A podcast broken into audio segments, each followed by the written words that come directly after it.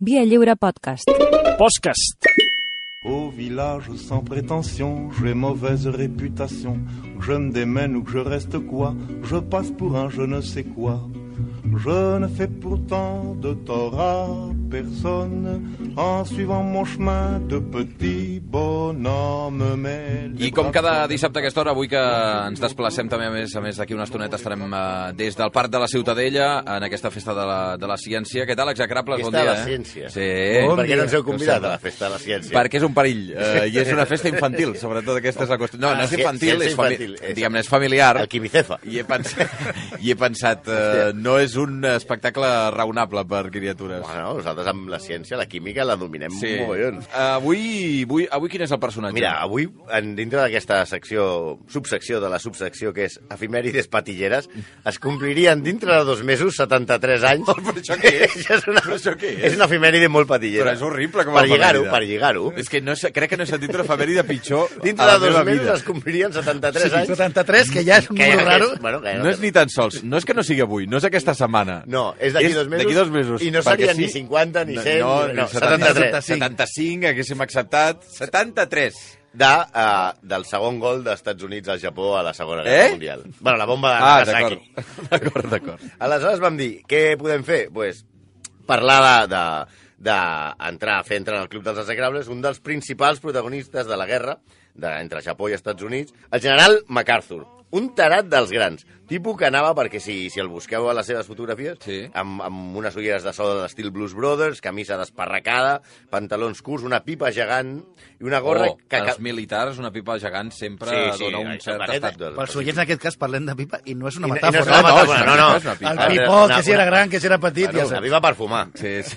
Ja, ja, això, per això dic la metàfora. I una gorra, també portava, sempre anava amb una gorra, que no era la- l'oficial, que caminava sola de bruta que anava, i a la que només li faltava aquella llegenda que posava l'Ibà a los sargento Arencibio de nació pa matar. Un home insufrible, autoritori, obsessionat amb la guerra, orgullós, bocamoll, desobedient, egoista i venjatiu. O sigui, com Mourinho, però en lloc de manar sobre 24 milionaris futbolistes, mana sobretot l'exèrcit aliat eh, que està defensant les Filipines.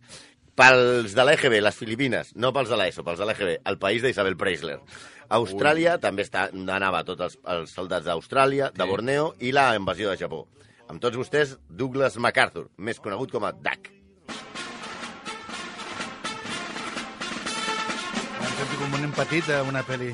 Home, Douglas, Douglas MacArthur estava destinat a la guerra de la mateixa manera que els fills dels toreros o les folclòriques surten predestinats a inaugurar carpes d'estiu. Això no Home. cal, que- no cal que expliqui els de l'ESO ni el Clàssic, DGB, que eh? és una carpa d'estiu. Doncs el seu pare era el tinent general Arthur MacArthur, que Oh. ja, té, ja té conya que et posin Arthur i et dius molt, MacArthur. molt mala llet eh, que el teu fill... A, a, l'avi- a l'avi MacArthur era... Home, MacArthur va escriure a les seves memòries que el meu primer record va ser el soroll de la corneta. Vaig aprendre a cavalcar i a disparar abans de saber escriure. De fet, fins i tot abans de saber caminar. amb aquesta genètica, el seu pare no sabia si apuntar-lo a l'escola de cinema, a l'escola Massana o a West Point, la famosa acadèmia militar. Finalment, mira per on... va tenir dubtes. Va tenir dubtes, va tenir Sí, no dubtes. sabia si entrar a la Lissaba o... el van apuntar, òbviament, a West Point, on va ingressar l'any 1898, que per poc no es planta a Cuba a fer fora els espanyols. Ah. Eh, allà va ser el primer de la seva promoció i les seves notes, 120 anys després, només han estat superades per dos alumnes. Sí, que el tio servia per això de la ah, guerra, eh? o sigui, el tio no, no, era bon estudiant era i... molt bo. O sigui, havia nascut per això. Un tio intel·ligent. Després de llicenciar-se, viatja a Filipines, acaba, que acaba d'independitzar-se d'Espanya per caure en mans dels Estats Units. MacArthur Sènior, el Arthur MacArthur, Sí. era el governador general de les Filipines i el seu fill va conèixer a, a les Filipines el que ell sempre va ser el que va adoptar com el seu segon país, Mhm. perquè va passar eh, allà la gra- gran part de la seva vida. A més de les Filipines, va servir a Mèxic, on ja va donar mostres de la seva indisciplina i temeritat. Va protagonitzar una missió de reconeixement darrere les línies enemigues i va ser nomenat a guanyar la medalla d'honor, la mateixa que havia guanyat el seu pare, amb només 34 anys. Però al final no li van concedir perquè havia violat clarament les ordres del seu general. Ah. No patiu, no patiu, que al llarg de la seva vida va guanyar Otoe Ferraya, com per fer petit al Museu del Real Madrid, però sense traumatitzar porters. Aleshores, ell comença a guanyar medalles, guanyant Otoe, a la Primera Guerra Mundial. El nostre home és com Sergio Ramos, té el triplet de guerres mundials. Va fer la primera, la segona, la de Corea, als anys 50, que en aquella època es va considerar com la Tercera Guerra Mundial mm. -hmm. per la quantitat de països que van prendre-hi part. A la Primera Guerra Mundial, que és on estem, va al front de França i es fa famós per la seva audàcia. Va ser ferit en diverses ocasions a les trinxeres, no es posava la màscara antigàs Hosti. fins que els últims dels seus homes no la portava posada. Tot el contrari del que et diuen les hostesses als avions. No feu com, no feu com MacArthur, No. perquè aquesta pràctica va costar-li a MacArthur tenir problemes respiratoris al llarg de la seva vida fins que es va morir. Però a ell li era igual. Ell disfrutava el camp de batalla com Iniesta en una festa de era comiat. una- un animalot. Sí, no? li De- encantava matar gent. Ja, Sí, tant, tant gaudia que quan va acabar la Primera Guerra Mundial i van arribar els feliços 20, un període de pau que va impulsar les arts, la música, l'arquitectura i que va ser un període de progrés, es va sentir molt buit. Una mena de Trump sense Twitter. Ell volia marxa, canonades, morts i amputacions, per de l'ESO és com un videojoc. I ens en anem tard. Tu pensa, no hi havia cap guerra a la vista. Hitler O estava... sigui, després de la Primera Guerra Mundial... Que Hi ha un període de pau i un període de prosperitat al món. Hitler... No, pre- molt, no molt llarg, tampoc. No molt llarg, no molt llarg, no, no. Però Hitler estava preparant alguna coseta, però encara li faltava polir els detalls. I ell es va haver d'aplicar el seu instint de guerrer a la vida civil. En aquest aspecte hi ha dos exemples que retraten el nostre home i us deixaran molt clar la mena de sombat del que estem parlant. El primer cas és durant els Jocs Olímpics d'Amsterdam, del que és l'any 28. Sí. Per alguna raó, que escapa a qualsevol enteniment, Douglas MacArthur va ser anomenat president del Comitè Olímpic Americà, que va anar a competir a la capital holandesa. Però aquí no hi havia guerra, o sigui, no hi havia No, massa no, sentit però de... va anar ell. Però no cal que us diguin qui, qui, va ser el, qui, quin va ser el país que va arrasar el medaller. Amb un jefe com MacArthur no era cosa com per no competir i donar-ho tot. Sí, noi. Cada segon no era una opció. Anna Terrés era Hello Kitty al seu costat. Però no només els seus atletes van patir la disciplina de, de MacArthur als Jocs. El dia abans de la inauguració va arribar amb els seus atletes, amb els atletes americans, a l'estadi olímpic i se'l va trobar tancat, òbviament, perquè estaven fent els últims preparatius per la cerimònia d'ininauguració de l'endemà. En aquell moment Clar, de, de, de, de, fem estan proves, tirant, ara... a, a la fura dels baus, aquí, Exacte. vestits de no sé què. I un tio allà que vol anar a entrenar. I un tio que diu, aquí venim a entrenar. I es diuen, no es pot entrar, no, no pots entrar. Aleshores, què fa? Ell agafa el conductor de l'autocar Sí. i li diu, acceleri i contra la tanca. Què dius? Estampis! Ca ca- carguen! carguen! I sí, sí, i entra, No fotis. peta, peta la, la, la tanca de ferro i Hosti. ell, els, seus, els americans van entrenar el dia abans pels collons de la Douglas MacArthur.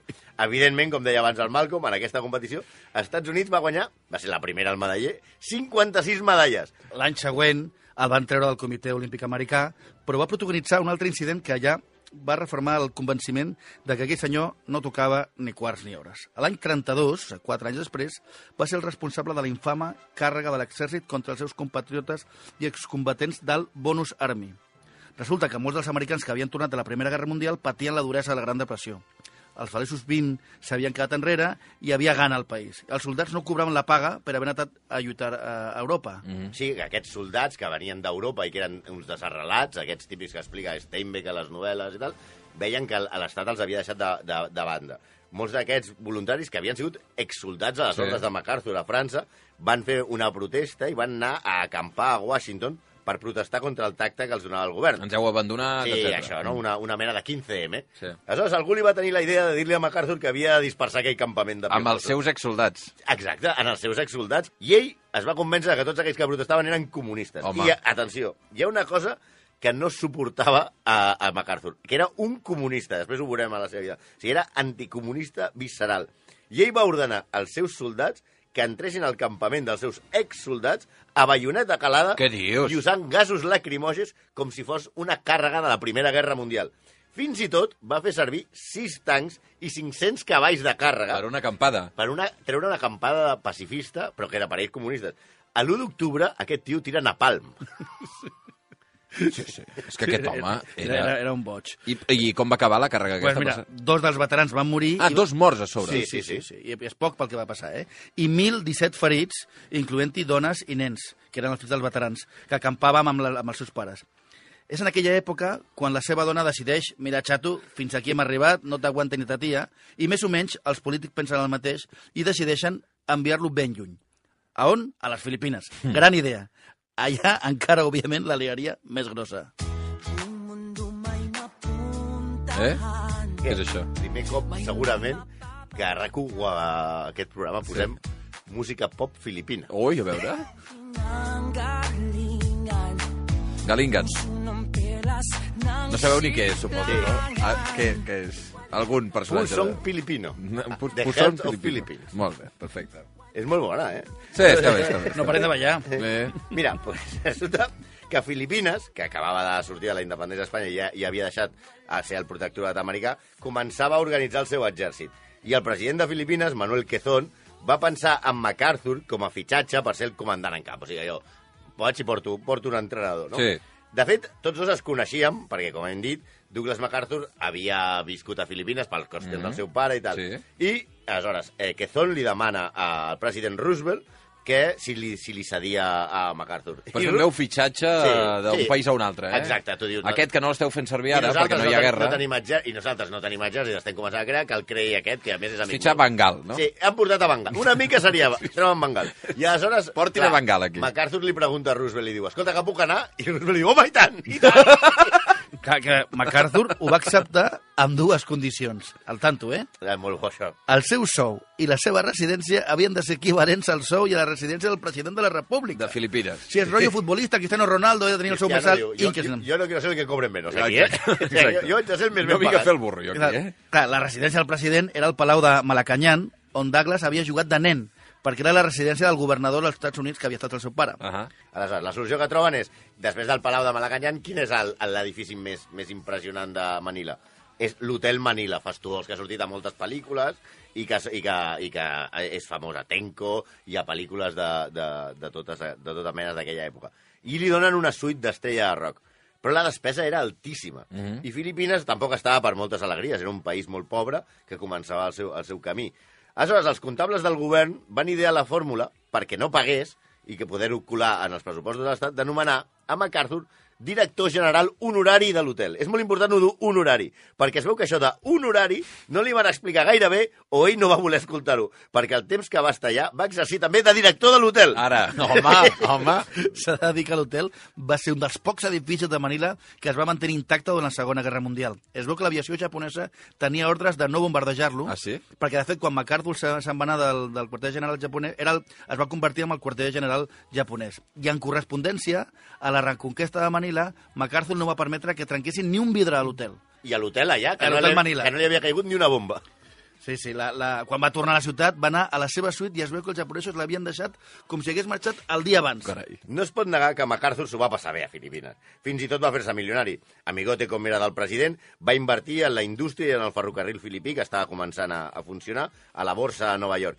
Just abans que els Estats Units entrés en guerra, que alguna cosa es devia olorar a ell, va vendre totes les seves accions a uns pardalets que es van arruïnar quan el Japó va envair Filipines. Ell va quedar tan tranquil perquè ell havia canviat els seus pesos en dòlars i els tenia ben guardadets a Wall Street. Sí, la pressió japonesa sobre Manila i les Filipines va deixar MacArthur en pijama. El general americà estava desitjant entrar en guerra i estava absolutament segur que amb 31.000 soldats i 300 avions podia defensar les Filipines davant de les tropes del general Oma, que Home, comptava que- amb forces molt... Home, que comptava amb forces molt superiors. De, de seguida es va veure que les Filipines caurien davant dels japonesos, com a la sèrie Tenko. Se'n recordeu que estaven aquelles senyores allà tan tranquil·les? Sí, sí, sí. I aleshores van dir, no, no arribaran mai els japonesos, i quan es giren ja tenen allò, allà, Tenko, Tenko, Tenko, i els foten al, al, allà, al camp de concentració.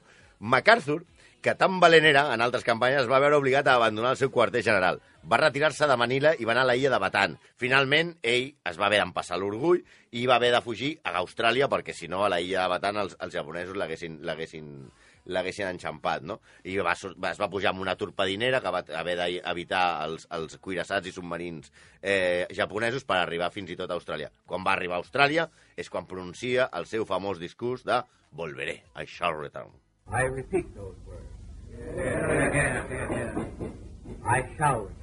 I què va fer? Pues tornar. Però abans va posar de l'olla a tots els australians que el van acollir. Què, què podia passar? Pues que els australians van acabar fins al Van acabar fins als collons sí. Primer va posar en dubte el valor i la preparació de l'exèrcit australià, a qui va menysprear al mateix temps que des de la retaguarda exigia als que s'havien quedat a la primera línia de front que fessin fora els japonesos de les seves Filipines. Això de les seves Filipines és literal. Sí, ell considerava que les Filipines eren totalment seves. La veritat és que, segons molts historiadors militars, MacArthur va obtenir resultats molt minsos a costa de molta sang.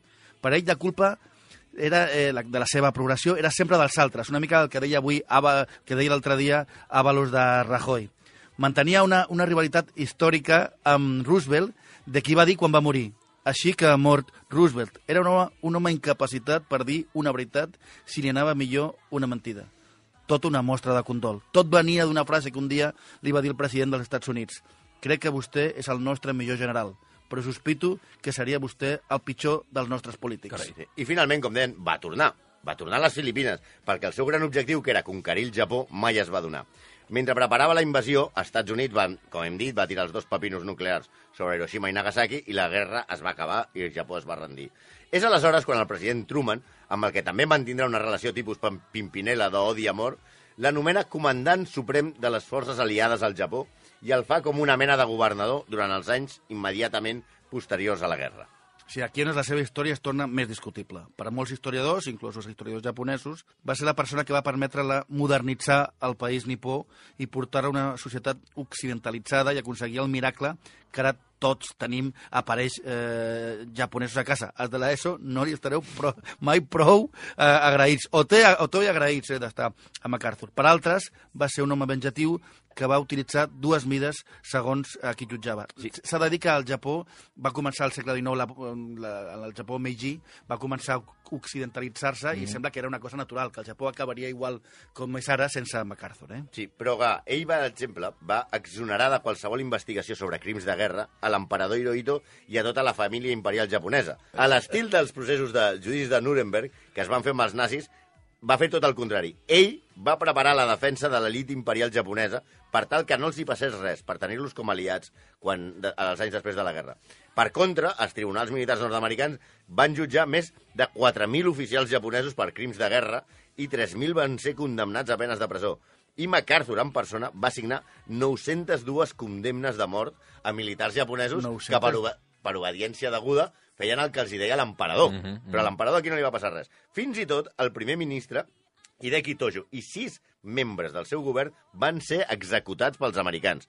Hirohito, en canvi, va passar de criminal de guerra durant, durant la, la guerra amb els Units a, quan va acabar la guerra, una mena de flors de loto inofensiva, un gerro que, un gerro que s'havia de, de, de guardar per mantenir la, la, la pau al Japó. Clar, què va passar? Que MacArthur el va utilitzar perquè signés la Constitució que, que, que ell, que, amb la que ell renunciava a la seva divinitat. Mm. Fins i tot va executar MacArthur el general Yamashita, el, meu, el seu rival més gran, tot i que sempre va defensar que Yamashita, que complia ordres de l'emperador. Es veu que aquesta condemna va influir molt l'orgull de MacArthur, reiteradament derrotat per aquest general japonès.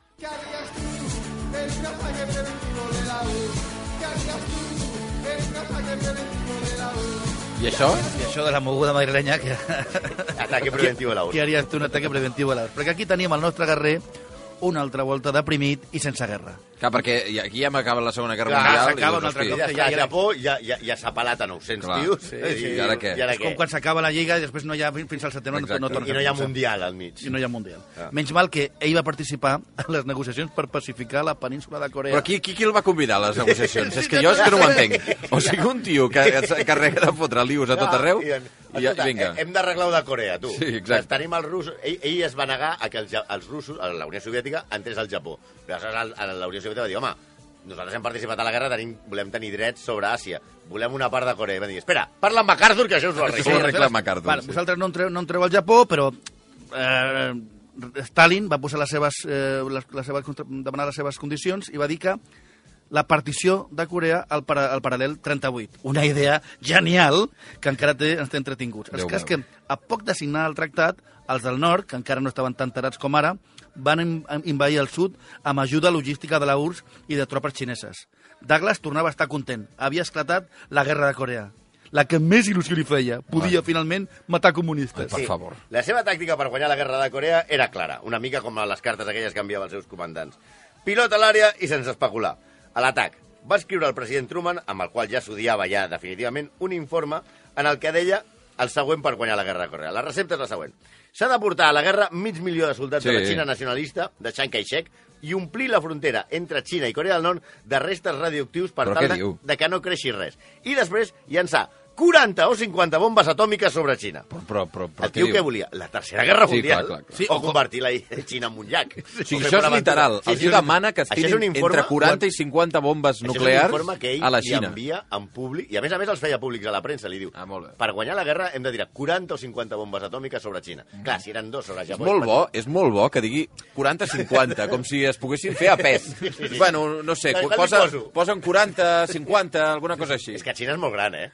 Clar, no, que sabi, no sabien qui fabricaria Apple ara, no? Però bueno, Truman, òbviament, per un que era més, Mira, bastant més sensat... no, per això no ha anat. El Iniesta no ha anat per si, si hi havia alguna resta, no. Truman no li va fer cas i després de tenir moltes disputes públiques amb ell, després de dir-li que volia pactar amb els comunistes, el va destituir amb aquestes paraules a la premsa. El vaig fer fora perquè no acceptava l'autoritat presidencial. No té res a veure en que fos un fill de puta, que ho era. Per això sembla que no és delicte entre els generals. Si ho fos, tres quartes parts de tot el cos de general seria la presó. Oh! Grandiós. Això va dir. Això era Harry Truman definint els generals del seu país. Destituït MacArthur, va tornar als Estats Units, on va ser rebut com un heroi per tots els que ara votarien Trump, Reagan, Bush i serien del Ku Klux Klan. Va fer un discurs al Congrés que va ser interromput 30 vegades per les ovacions dels congressistes. Va valorar presentar-se, òbviament, a les eleccions presidencials per part dels republicans, però va perdre per massa fatxa. Sí, perquè va guanyar, al final va guanyar Eisenhower. I, Com un, una d'esquerra radical. Clar, però entre Eisenhower i, i MacArthur van triar Eisenhower als republicans per la candidatura. Això sí, es va reincorporar finalment a la vida civil i el va fer president de la companyia Remington Rand, empresa que alternava a fabricar pistoles i màquines d'escriure. Molt maco. I que li va... Molt maco fer les dues coses alhora. Exacte, eh? Heu vist? És que això no havíem caigut però fins ara. Eh? Hi ha les pistoles Remington Sí. i les màquines d'escriure Remington. Sí, que són la són la mateixa empresa. No, però jo crec que hi deuen haver-hi bastants casos d'aquest tipus, eh? que per una banda fabriques armament eh, de, per les guerres i l'altra, no sé, bicicletes. Clar, però clar, aquestes màquines sabien per escriure novel·la negra, no? Bueno, I eh, què li va permetre aquesta empresa? Li va permetre tornar a viure a la, a la, a la casa amb la seva segona dona on, on més li agradava, a un hotel. Ah. Va ocupar fins al dia de la seva mort, el 5 d'abril de 1964, l'àtic de l'hotel Waldorf Astoria de Nova York. Vaja, va viure com un, un heroi tota la seva vida. Tota la vida, eh? a Perfecte. la seva pipa gegant. Avui Douglas MacArthur, fill d'Arthur MacArthur, el, bueno, el general més liante eh, nord-americà en la primera, en la segona guerra mundial, La guerra de Corea. la de Corea, i, i, per si hagués no- hagut una tercera... I perquè no el van deixar més. Déu-n'hi-do. Uh, Malcom Otero, Santi Jiménez, gràcies, exagrables. Ara, Fins que, que que tu passis bé ara. Amb els nens, sí, sí, adéu, adéu. Sauf les aveugles, bien entendu.